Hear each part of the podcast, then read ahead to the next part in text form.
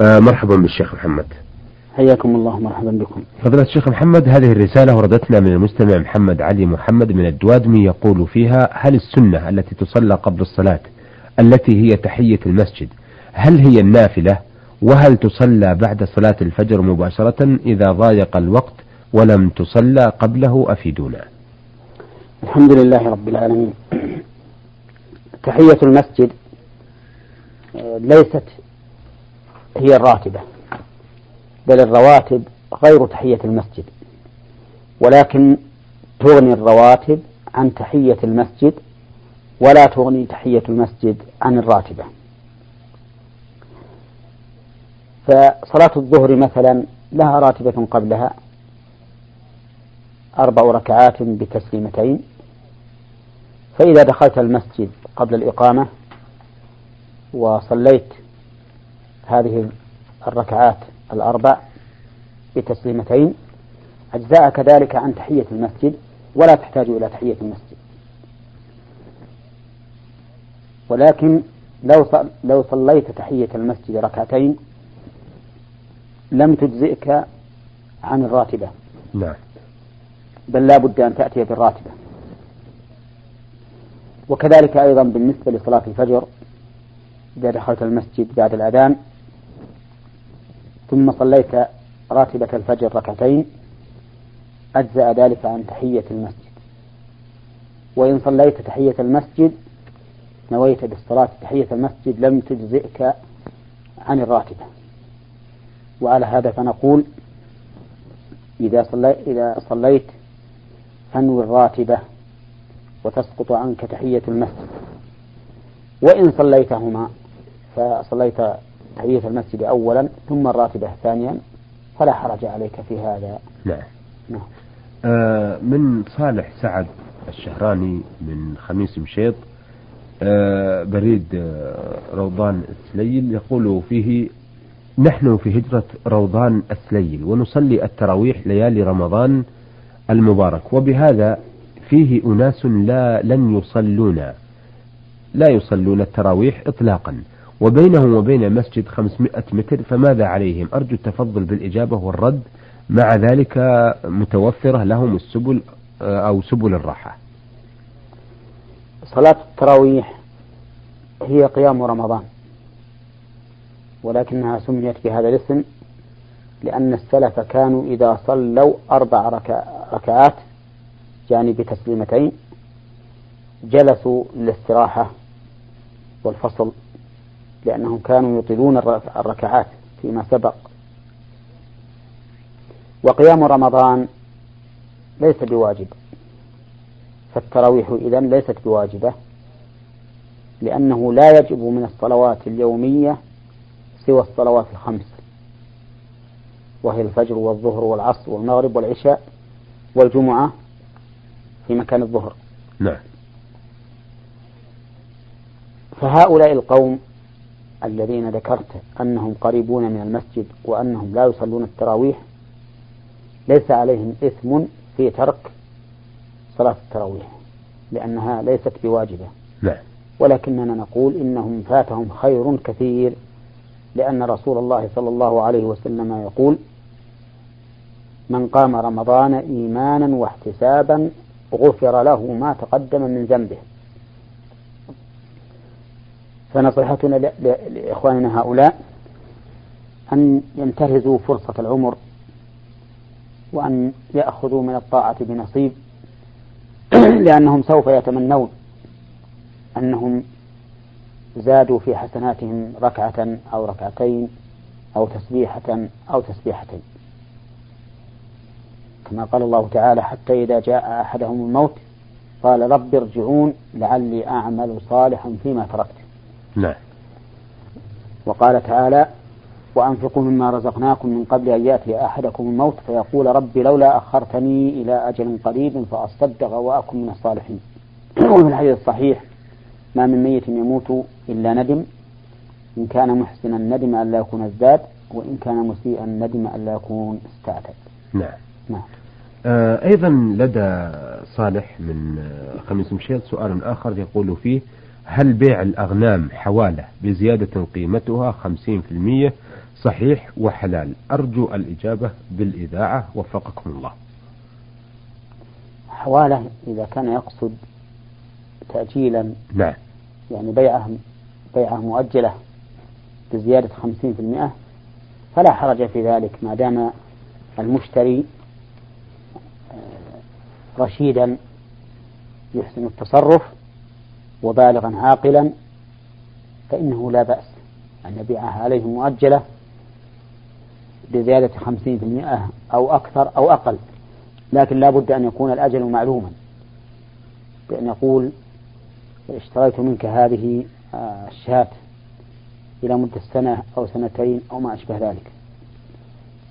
فإذا كان المشتري فقيرا ويعرف البائع أنه فقير فقال اشتريتها منك إلى ميسرة يعني إلى أن يسر الله علي فهذا لا بأس به لأن هذا هو مقتضى العقد.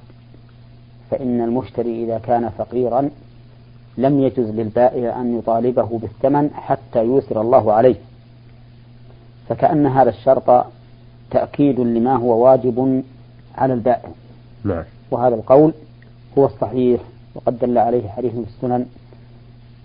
عن عائشة رضي الله عنها أن رجلا قدم له بز من الشام فقالت النبي صلى الله عليه وسلم لو أرسلت أو بعثت إلى فلان فاشتريت به فاشتريت منه ثوبين إلى ميسرة.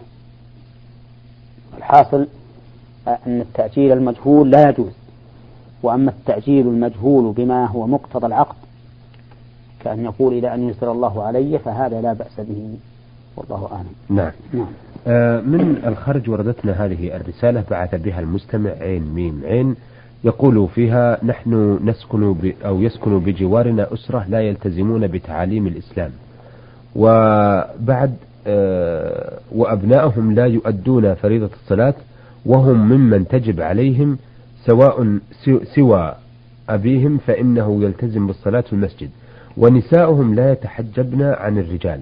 الأجانب وغيرهم وبعض الأحيان يعطون يعطون من الخضروات وغير ذلك. هل يجب علينا أخذها أم لا؟ وهل يجب علينا أن نزورهم أم لا؟ ونرجو من المرسل أن يكتب رسالته بخط واضح أو أن يكلف أحدا يكتب بداله لأنني في الحقيقة أعاني من قراءتها الشيء الكثير. من المعلوم الجار له حق على جاره. حتى إن رسول الله صلى الله عليه وسلم يقول من كان يؤمن بالله واليوم الآخر فليكرم جاره. والجار يقول أهل العلم إن كان قريبا مسلما فله ثلاثة حقوق حق الإسلام وحق القرابة وحق الجوار. وإن كان جارا مسلما غير قريب فله حقان حق الإسلام وحق الجوار. وإن كان غير مسلم ولا قريب فله حق الجوار.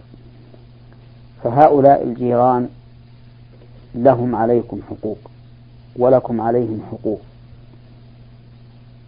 وقد ورد عن رسول الله صلى الله عليه وسلم إذا اشتريت مرقة فأكثر ماءها وتعاهد جيرانك.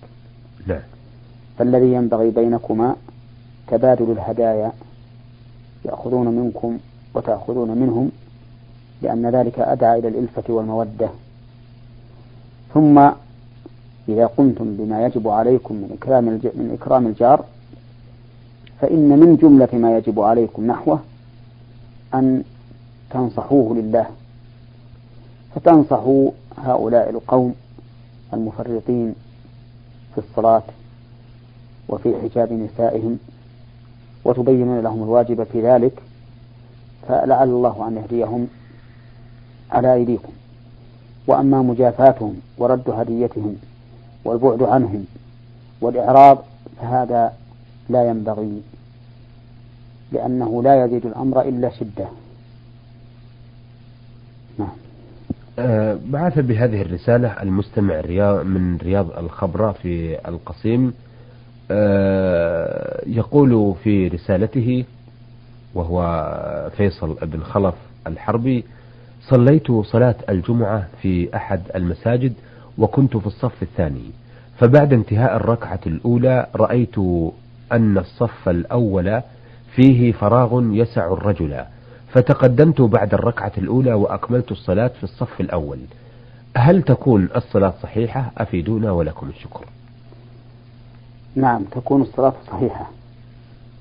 فإنك إذا كنت في الصف الثاني ورأيت فرجة أمامك في الصف الذي يليه فإنه من المشروع أن تتقدم إليها لأن هذا من تمام الصلاة.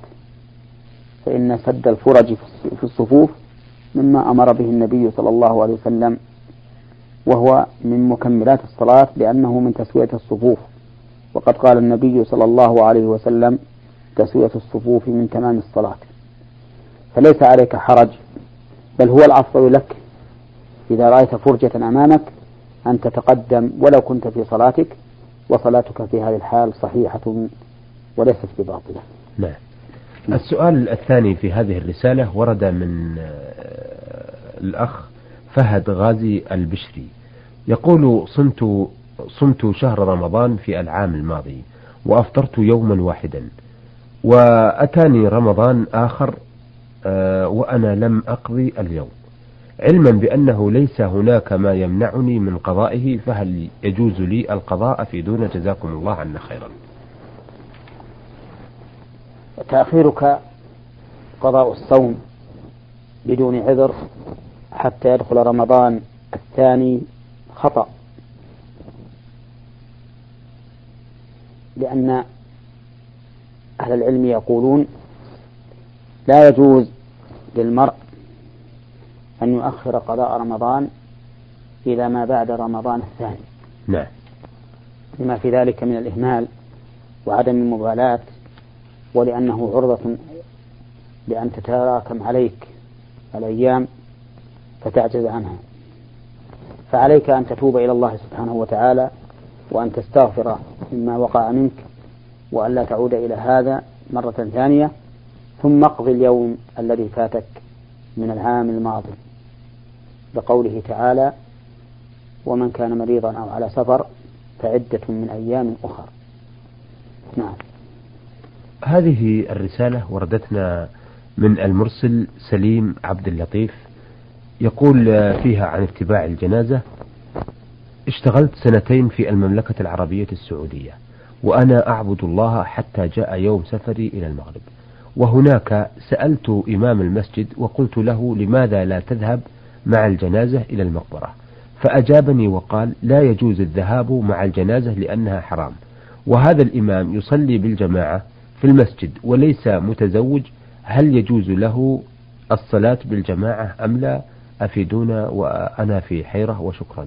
سؤاله هذا يشتمل على أو ذا شقين. الشق الأول عن اتباع الجنازة والثاني عن أه، الإمامة لمن لم يتزوج. اتباع الجنازة سنة لأنه من حق المسلم على المسلم. وفيه أجر عظيم حيث قال رسول الله صلى الله عليه وسلم من شهد الجنازة حتى يصلى عليها فله قراط ومن شهدها حتى تدفن فله قيراطان. قيل وما القيراطان يا رسول الله؟ قال مثل الجبلين العظيمين. وفي رواية أصغرهما مثل أحد. نعم. فينبغي الإنسان أن يحرص على اتباع الجنائز. ولو تكرر ذلك في اليوم أكثر من مرة أو مرتين. لأنه كلما عمل ازداد له الأجر. ولهذا لما حدث ابن عمر رضي الله عنهما بهذا الحديث قال لقد فرطنا في قراريط كثيرة. ثم بدأ يتبع الجنائز رضي الله عنه. نعم وقول الإمام الذي أشار إليه السائل إن اتباع الجنازة حرام لا أدري ما هو السبب في قوله هذا لأني أستبعد أن يكون أحد من المسلمين يجهل حكم هذه المسألة. نعم. حتى يظن أنه حرام. ما أظن أحدا يظن ذلك. نعم.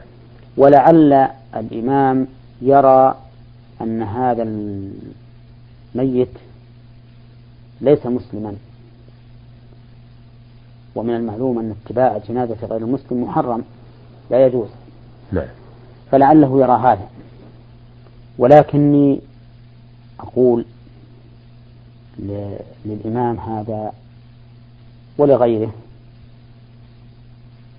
إنه إذا عرضت جنازة والإنسان يشك في كونه مسلما سواء من الأجانب الذين لا نعرف عن حالهم شيئا إلا أنه مسلم أو كان من المواطنين الذين كثر في بعضهم النفاق وكثر في بعضهم الردة كترك الصلاة مثلا. نعم فإن الإنسان إذا قدمت له جنازة على هذا الوجه الذي يشك فيه فإن ثمة طريقا يتمكن فيه من الخلاص. وذلك بأن يشترط. فيقول إذا تقدم للصلاة عليها وأراد الدعاء لها يقول اللهم إن كان مؤمنا فاغفر له وارحمه وعافه إلى آخره. نعم. فيستثني ويشترط. ويدل لهذا أن الاشتراط في الدعاء واقع في القرآن. ففي آيات اللعان يقول الرجل وأن لعنة الله عليه إن كان من الكاذبين. وتقول المرأة وأن غضب الله عليها إن كان من الصادقين. نعم. فعلق الدعاء بالشرط. فكذلك هنا. وقد ذكر ابن القيم رحمه الله عن شيخه شيخ الإسلام ابن تيمية أنه رأى النبي صلى الله عليه وسلم في المنام وأنه سأله عن أشياء منها. أنه يقدم إلى شيخ الإسلام ابن تيمية أموات يجهل حالهم. فقال له النبي صلى الله عليه وسلم في المنام عليك بالشرط يا أحمد. أحمد اسم شيخ الإسلام ابن تيمية. عليك بالشرط يعني معناه اشترط عند الدعاء له إن كان مؤمنا فاغفر له وارحمه. وبهذا يتخلص. يتخلص من الشك أو الإثم إن صلى عليه وهو غير مسلم. نعم. إذا أجبنا عن الشق الأول وهو اتباع الجنازة. نعم. وبينا أنه سنة وأن فيه أجرا كبيرا. نعم. آه، الشق الثاني حكم صلاة آه، أو إمامة غير المتزوج. إمامة غير المتزوج لا بأس بها. نعم. فيجوز للإنسان أن يؤم من لم ي... أن يؤم وهو لا يتزوج ويكون المأموم متزوجا. بل إن القول الراجح أنه يجوز أن يكون الإمام صغيرا لم يبلغ. يصلي. بأناس بالغين. نعم فريضة ونافلة. لأنه ثبت في صحيح البخاري أن عمرو بن سلمة الجرمي رضي الله عنه أم قومه وهو ابن ست أو سبع سنين. في عهد النبي صلى الله عليه وسلم. نعم ثم إن النبي صلى الله عليه وسلم يقول يؤم القوم أقرأهم لكتاب الله. وهذا عام. واشتراط البلوغ في إمامة الفريضة لا دليل عليه. الصواب أنه يجوز لغير البالغ أن يؤم البالغين. نعم. نعم. أثابكم الله. أيها السادة إلى هنا نأتي إلى نهاية لقائنا هذا الذي استضفنا فيه فضل الشيخ محمد بن صالح العثيمين الأستاذ بجامعة الإمام محمد بن سعود.